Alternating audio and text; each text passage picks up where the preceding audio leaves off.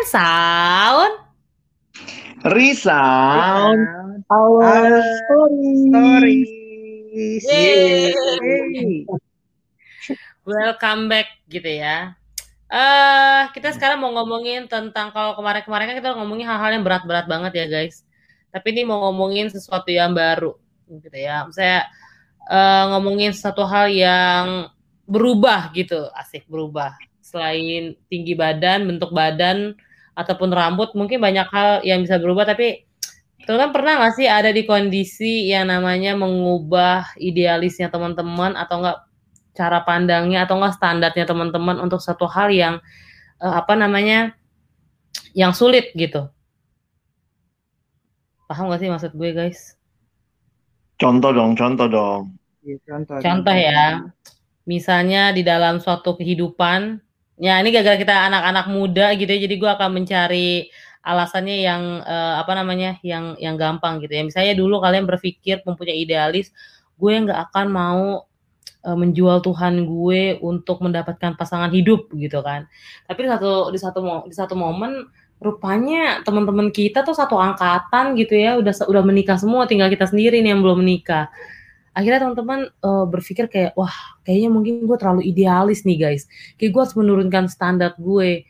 Yaudah deh sama yang mana aja eh, gue nggak apa-apa eh, yang penting menikah gitu. Pernah nggak sih? Nah tapi sebelum teman-teman jawab misalnya kayak Ernest atau enggak mungkin bukannya teman-teman pernah ngalamin atau enggak teman-teman pernah ngeliat hal itu enggak karena menurut gue hal itu tuh eh, sedang terjadi gitu ya. Nah, tapi sebelum teman-teman jawab, mungkin gue lagi suka sama satu kutipan dari buku KTB gitu ya buku KTP gue bersama dengan Bang Alex dan teman-teman lainnya. Jadi ngomong gini, eh tetap percaya pada saat menanti itu bukan gini, menanti itu rupanya sulit. Tetapi tetap percaya pada saat menanti itu jauh lebih sulit. Nah, biasanya ketika hal yang terlalu sulit itu tuh membuat kita jadi mencari jalan pintasnya, jalan keluar. Dan supaya jangan terlalu sulit. Nah, maksud gue akhirnya memilih untuk menurunkan standar yang esensi atau enggak akhirnya jadinya mengubah semuanya. Itu sih kalau menurut gue karena ya seperti tadi dibilang menanti itu sulit tetapi menanti percaya pada saat eh tetap percaya dalam hal menanti itu jauh lebih sulit gitu. Dari teman-teman gimana? Eh, Ernest nih yang lagi menanti. Loh, ini soal penantian. Kalau gue sih ngelihatnya ini ya, ada beberapa hal yang memang ada beberapa hal yang berubah kayak gitu. Cuman nggak nggak yang ini Nov yang kayak tadinya A jadi B yang adalah kontradiksi gitu. Eh, B-nya itu adalah eh, kontradiksinya dari A. Tapi lebih kayak oh nih A ternyata ada A aksen kayak gitu. Ada ada eh, sudut pandang lainnya untuk melihat A eh, kayak gitu. Jadi lebih luas pandangannya, jadi lebih jadi bertambah pemahamannya. Nah, kalau yang gue lihat uh, secara pribadi di dalam kehidupan gue gitu, kayak gitu. Tapi kalau idealis uh, idealisme idealisme dalam prinsip-prinsip tertentu yang memang fundamental gak nggak nggak nggak berubah sih kayak gitu ya. Uh, menurut gue kayak gitu. Uh, selama ini gue mengevaluasi diri gue. Uh, kecuali kalau mungkin ada beberapa orang yang gue lihat uh, cerita-ceritanya berubah memang kayak gitu ngelihat lihat apa tuh namanya uh, uh, kondisi realita kehidupan, pergumulan hidup dia dan lain sebagainya. Memang itu gua ya uh, gua gua akui lah itu itu sulit kayak gitu dan juga apa realita ya memang keras memang realita uh, kehidupan nyata gitu ya dunia sesungguhnya waktu udah udah kerja dan lain sebagainya makin dewasa tuh kayak makin makin susah tuh hidup makin sadar dan lain sebagainya. Nah itu tuh gue uh, melihat memang cuman kalau menurut gue harus ada sih ya kayak prinsip-prinsip atau idealisme-idealisme yang di dalam berakar kuat gitu di dalam firman Tuhan. Nah menurut gue beberapa idealisme gue yang yang mulai luntur tuh ya, yang mulai berubah adalah hal-hal yang enggak yang di luar firman Tuhan kayak gitu. Nah itu yang yang mulai mulai uh, gue kompromikan misalnya yang kayak gitu gitulah nah tapi kalau yang di dalam firman Tuhan uh, sejauh ini masih berjuang sih kayak gitu untuk untuk apa namanya memegang teguh hal itu. Karena kalau udah kalau udah nggak itu kan ya apa sih prinsip utama hidup kita gitu? Gue gue suka mikir kayak gitu. Aturan apa yang lu ikutin di dalam hidup? Kadang-kadang kan kita mikir oh aturan tuh membatasin bikin orang tuh gak bahagia. Dan ada orang yang yang sempat ngomong kayak ada yang nanya kayak gitu ke gua e, ini salah satu adik rohani. Dia ketemu ada orang bilang kayak gini bang gimana caranya ngadepin orang yang bilang gue nggak mau uh, kudus-kudus banget gue mau menikmati hidup terus gue tanya sama uh, adik rohani gue karena bukan dia yang nanya kan emang kalau lu hidup kudus hidup idealis gitu uh, lu nggak bahagia ya? Nah itu loh kayak gitu. Kadang-kadang uh, jadi jadi jadi seperti itu uh, ketika kayaknya Tuhan berikan sebuah hukum kayak gitu sebuah aturan itu kelihatannya justru malah membuat kita nggak bahagia. Justru Alkitab sendiri gitu mengatakan Tuhan bahkan Yesus gitu aku tuh mau kamu memiliki hidup dan memilikinya dengan penuh. Nah berarti bukan yang mau dibatas-batasin dong sama Yesus bukannya kebagian lu mau dikurangin ketika lu idealis kayak gitu dan lain sebagainya. Nah itu itu yang gua gua uh, uh, pelajari jadinya ya seperti itu uh, ketika ada batasan ada idealisme itu justru membuat hidup kita uh, jadi lebih meaningful gitu nah itu yang gua lihat sih kalau boleh gue perjelas ini kalian, Nas. Dulu pasti kita punya idealisme ya sejak mungkin kenal Tuhan, sejak bertobat. Nah, tapi mungkin kita harus pilah-pilih yang mana idealisme yang kita bilang idealisme standar itu yang benar-benar uh, primer, kalau pakai istilah lu tadi, berakar dalam firman, mana yang enggak. Misalnya ya, hmm, hmm, hmm ada idealisme misalnya uh, ah, gue pengen yang rambut panjang itu kan sebenarnya ya terus nanti yang idealisme yang model seperti itu yang istilahnya masuk kepada hal yang kita suka atau nggak suka. Gue lebih seneng yang lebih tinggi dari gue atau aku lebih seneng yang kurus lebih seneng yang gemuk. Itu kan kelihatannya kayak idealisme di masa tertentu ya. Tapi hmm, hmm. idealisme seperti itu bisa melalui proses waktu jadi realistis. Ya hmm, udahlah. Iya, nggak nggak emangnya semua yang lebih tinggi dari gua emangnya semua yang kurus pasti baik gitu. Jadi nah yang nggak bisa berubah ini yang menurutku itu yang kita harus apa ya mungkin perlu untuk sepakati dulu kalau mungkin kayak tadi Novita bilang menjual Tuhan Yesus. Waduh itu udah prinsip banget ya. Makanya kalau kalau gue secara sederhana mengatakan idealisme yang nggak boleh berubah tuh kalau pasangan hidup pertama lawan jenis. Itu udah pasti ya. Yang kedua ya buat kita yang mengerti hidup dalam Tuhan ya berarti yang seiman dan bertumbuh begitu. Sebenarnya dua hal itu sih sangat prinsip ya. Selebihnya misalnya satu suku kah atau ekonominya seperti apa itu kan idealisme-idealisme yang gue pikir seiring berjalannya waktu kita mesti realistis ya. Tapi dua hal yang tadi kalau sampai menjual Yesus mah Wah itu memang benar-benar kayak itu bukan cuma nurunin standar, Nov itu buang standar kan, gitu sih ya. Iya betul. Iya. Tapi kadang-kadang, iya sorry, maksudnya kadang-kadang kalau gue lihat ya gini ya, eh, pandangan orang tuh kadang-kadang kalau ngomongin tentang pasangan hidup ya kayak tadi kita bilang menanti itu kan hal yang sulit ya. Mungkin tadi gue topiknya uh, pasangan hidup, tapi mungkin ada yang berpikir tentang pekerjaan. Ya udahlah nggak apa-apa lah, gue jual Tuhan. Uh, maksudnya gue tetap agamanya aja gitu yang bukan Kristen tapi ya kan dalamnya hati siapa yang tahu ya kayak gitu. Yang penting gue bisa naik jabatan.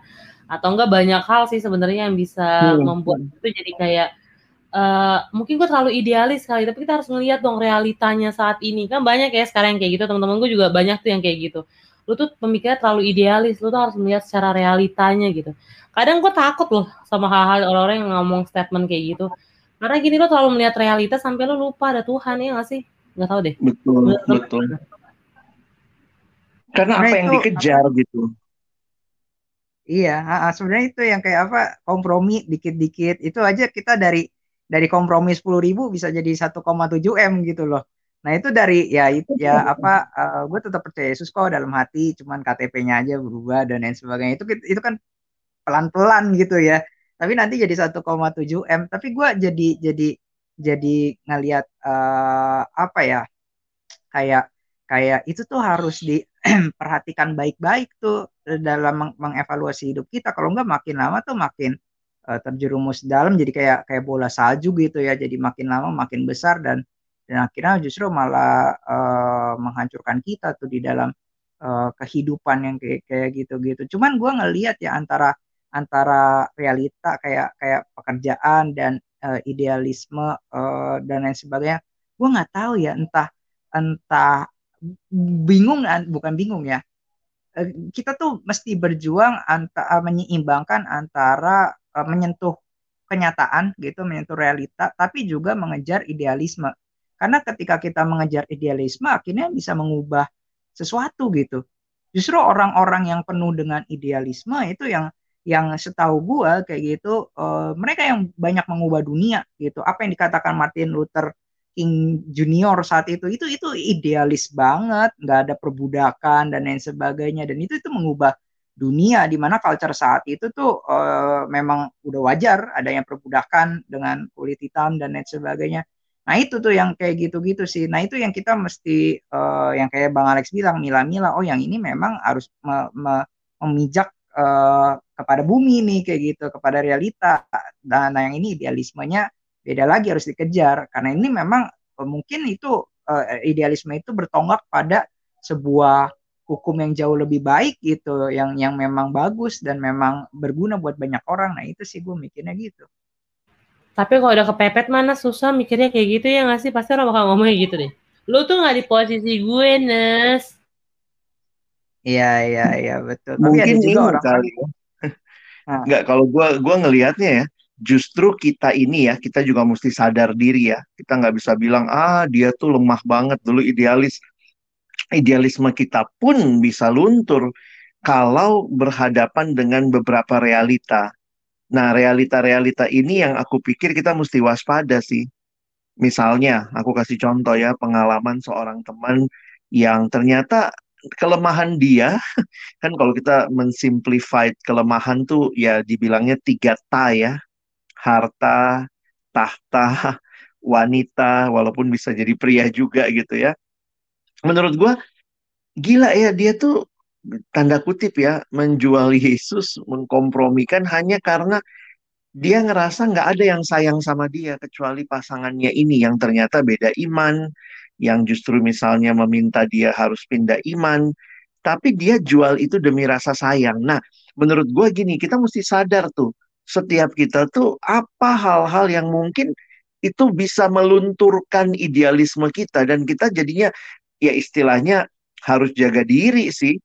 Ketimbang kita juga melihat wah ini orang ini jadi ya tentu ya waktu kita lihat orang lain kita bisa belajar untuk tidak jatuh di lubang yang sama. Tapi kadang-kadang buat kita begini gua lemahnya bukan di uang. Lihat dia gila da, uang segitu aja dia tuker sama Yesus. Tapi orang itu kalau lihat kita gila cuman kasih sayang model gitu dia tuker sama Yesus. Jadi maksud gua iya ya maksudnya setiap kita dengan tantangan yang kita alami itu mesti waspada banget gitu. Kalau itu sih masukan gua. Ya gue setuju tuh dengan ya, yang bang Alex bilang. Memang jadi kita perlu kenal lagi gitu ya tentang tentang diri sendiri uh, kelemahan kelemahannya apa yang sebenarnya gue cari gitu yang tadi bang Alex bilang juga tuh apa sih yang sebenarnya kita lagi pengen uh, cari atau yang lagi pengen kita uh, kejar gitu nah nah itu mungkin hal-hal yang lagi pengen kita cari itu ketika kita nggak ketemu temu gitu justru akhirnya malah melunturkan uh, idealisme kita dan lain sebagainya. Memang sih kebutuhan orang uh, beda-beda gitu dan dan posisi orang juga uh, beda-beda. Memang apa kayak iya lu kan gak dari posisi gua dan lain sebagainya. Betul betul betul. Cuman uh, apa uh, apa ya bilang ya. Kadang-kadang gua ada di ya lu ngomong sama gua gitu ya. Um, kalau ini orang yang pribadi ya secara ngomongnya berarti gue ada di dalam kehidupan lu gitu dan gue bisa bisa uh, menolong lu juga gue ngelihat jadi akhirnya komunitas pun juga perlu perlu apa ya bukan perlu lagi sih ya jadi kayak komunitas tuh udah sebuah komponen yang kayaknya tuh udah harus dimiliki deh dan dan dan dan itu salah satu sumber kekuatan juga tuh untuk akhirnya menjaga kita untuk tetap uh, setia gitu ya dengan dengan apa yang menjadi prinsip-prinsip utama di dalam kehidupan tuh gitu. Karena kalau kalau enggak menurut gue jadi jadi apa ya jadi mudah gitu untuk meskipun kadang-kadang udah udah udah tertanam dalam komunitas pun masih bisa berubah. Bisa bisa juga sih. Ada ada ada juga yang kasus-kasus kayak gitu. Tapi ada ada ada ciri-cirinya juga tuh yang mulai uh, keluar gitu ya. Pelan-pelan bergeser dari dari komunitas. Tadinya sering join akhirnya nggak nggak nggak join. Mulai sering nggak nggak ikut dan lain sebagainya nggak jawab. Dan akhirnya uh, lepas kayak gitu. Ya pada akhirnya ya ya Tuhan lah ya yang menjaga kita tetap setia itu itu itu janji yang paling kokoh dah kayak gitu. Iya. Kalau mungkin ini sekarang kita conclusion kali ya sesuatu dari gue nanti ke Ernest, Ernest nanti ke Bang Alex gitu. Kalau dari gue sih akhirnya uh, jangan pernah intinya sih dari segala sesuatunya akhirnya gue melihat kayak tadi Ernest bilang idealis itu juga tetap penting gitu ya. Uh, jangan pernah me, apa ya namanya menurunkan standar yang itu prioritas gitu maksud gue. Apa pun itu dalam hal apa pun entah menanti pasangan hidup kah entah pekerjaan kah atau enggak hal-hal yang lain yang kita nggak tahu yang kita nggak bisa sebutin kayak gitu. Jangan pernah menurunkan uh, iman kita di hadapan Tuhan sih. Uh, dan tapi selama itu realistis juga. Jadi idealis dan realistis itu harus dipakai sih bersamaan menurut gue. Misalnya kayak lu mau ngomongin tentang pasangan hidup lu beriman akan dapat pasangan hidup gitu. Tapi lu maunya uh, kayak apa deh namanya kayak pangeran Charles gitu misalnya pasangannya. Eh Charles misalnya pangeran pangeran deh gitu. ya, makanya, Oke, yang keren banget gitu uh, apa namanya? Prince Charming. Ya, pokoknya pria yang yang keren banget. Menurut gue itu kan nggak realistis juga ya. Lah emang lo secantik apa gitu maksud gue. Ya kita harusnya tahu standarnya adalah yang penting dia mengasihi Tuhan, kita bisa sama-sama bertumbuh. Nah, kalau ngomongin tentang pekerjaan adalah ya lu juga jangan sampai menjual Tuhan untuk naik jabatan. Ya mungkin emang Tuhan udah nggak panggil kita di situ tapi di tempat yang lain. Seharusnya kita berkarya di tempat lain gitu. Jadi ya gumulkan gitu apa yang menjadi kehendak Tuhan. Karena prinsipnya adalah ketika kita hidup di dalam dunia ini kan kita harusnya menjalani apa yang Tuhan perintahkan bukan apa yang aku ingin aku lakukan. Itu sih kalau menurut gue. Jadi jangan sampai menurunkan standar tapi uh, yang berhubungan dengan Tuhan ya. Tapi kalau misalnya itu bukan hal yang esensi misalnya kayak misalnya pacar uh, misalnya nurunin hal yang enggak esensi misalnya kan kayak dia harus uh, glowing mukanya dia harus putih dia harus ini. Nah itu menurut gue kalau diturunkan ya nggak masalah gitu. Itu sih. Gue sama sih kayak yang tadi Novi bilang sih. Memang apa perlu perlu tahu tuh mana prinsip yang perlu di bisa dikompromikan kayak gitu. Dan dan itu nggak apa-apa kayak gitu. Dan dan mana yang yang jangan di, di dibuang sama sekali. Justru ketika kayak bang Alex bilang buang prinsip yang itu lu buang segalanya sebenarnya. Nah itu. Nah jangan salah pilih tuh mengenai prinsip tersebut. Dan memang sih kayak gitu ya. Memang menjaga prinsip kayak gitu gitu nggak bukanlah hal yang mudah. Dan dan dan kadang-kadang ada banyak tantangan-tantangan yang kita tuh udah udah menekan banget banget kita gitu. Udah kayaknya udah di, di ujung tanduk lah. Udah udah oh ini kalau gua nggak buang nih gua nggak bisa maju lagi dan lain sebagainya. Ya ya memang kita nggak masing-masing nggak bisa ngerasain setiap penderitaan orang lain kayak gitu. Uh, iya memang berat pergumulan lo kayak gitu. Dan dan apa bilangnya ya kita pun juga bersedih lah kayak gitu. Atau bersimpati kalau bisa memang mau kita cabut gitu penderitaannya kita cabut ya gitu penderitaan lu dan supaya hidup lu lebih bahagia. Tapi gue yakin sih kadang-kadang yang dibutuhkan di tengah-tengah itu penguatan uh, ataupun juga penghiburan yang dari pada Tuhan sih. Ketika Tuhan akhirnya memberikan tekanan yang begitu besar kayak gitu dia pasti akan memberikan uh, kekuatan juga yang yang sama besarnya. Uh, ada satu kalimat yang menarik uh, yang waktu itu gue baca kesaksian lah kayak gitu dari dari seorang seorang uh, Night namanya. Itu ditulis tuh di di salah satu apa tuh uh, website Kristen kayak gitu uh, American Got Talent. Iya The Gospel Coalition tuh. Menarik dia dia bilang kayak gini karena dia punya punya sakit uh, cancer kayak gitu dan juga hidupnya tuh rada-rada keras karena suaminya meninggalkan dia tuh lagi waktu saat sakit cancer tersebut. Dan dia bilang kayak gitu Tuhan tuh lebih kepada seorang pemberi daripada pengambil Nah, kadang-kadang kita lebih uh, pingin Tuhan ambil penderitaan-penderitaan kita, tekanan-tekanan itu, tapi nggak mau minta Tuhan supaya tambahkan kekuatan uh, kita dan lain sebagainya. Nah, kalimat itu menarik sih buat gue dan cukup menghibur dan menguatkan gue. Iya ya, Tuhan tuh lebih jauh lebih suka memberi kayak gitu daripada uh, mengambil sesuatu kayak gitu, mengambil uh, penderitaan kita bukannya dia nggak bisa, dia bisa uh, melakukannya hal tersebut Nah, tapi dia mau memberikan hal lain dan dia katakan habis itu kalau seandainya Tuhan Tuhan ambil penderitaan dia saat itu nggak akan ada cerita ini kayak gitu nggak akan aku bisa uh, menginspirasi banyak orang dan lain sebagainya. Nah kalau teman-teman mau cari tahu Nightbird itu dia salah satu yang dapat uh, Golden Buzzer uh, di di American Got Talent waktu itu. Hmm. Nah itu sih. Oke, okay. kayaknya semua udah diomongin ya. Tapi gue mengutip lagi yang Novi bilang di awal ya, menunggu itu jadi apa ya? Uh, sebuah menunggu dan tetap percaya itu sebuah hal yang sulit, tapi di dalamnya Tuhan kasih kekuatan sih buat kita. Jadi uh, belajar untuk percaya karena masa-masa menunggu tuh nggak enak. Tapi ya uh, kadang kita merasa kita yang paling tahu apa yang terbaik buat kita, waktunya waktu yang kita mau begitu. Jadi akhirnya kita meng mengkompromikan hal-hal yang waktu sebenarnya kita buang itu ya udah, lu buang semuanya kalau udah Yesusnya lu buang. Apalagi yang tersisa gitu ya. Nah, itu semua akan jadi hal yang sia-sia. Jadi kalau gue mengingat yang namanya idealisme tadi ya, gue ingat kalimat yang bilang gini, uh, kerohanian itu bukan nostalgia. Jadi bukan dulu, gua dulu gua ideal banget loh dulu gitu ya. Tapi kerohanian itu sesuatu yang real sekarang. Jadi mari coba cek lagi kerohanian kita sekarang gitu ya. Bukan cuman seneng dengan nostalgia rohani. Gue dulu waktu di kampus rajin banget persekutuan. Gue waktu di kampus tuh punya standar tinggi banget. Gue waktu di kampus. Tapi sekarang gimana lu gitu ya. Nah, itu jadi sebuah hal yang jangan hidup dalam nostalgia dulu, tetapi hiduplah sekarang di hadapan Tuhan dan nantikan janji Tuhan. Oke. Okay. Jadi thank you teman-teman yang udah dengerin.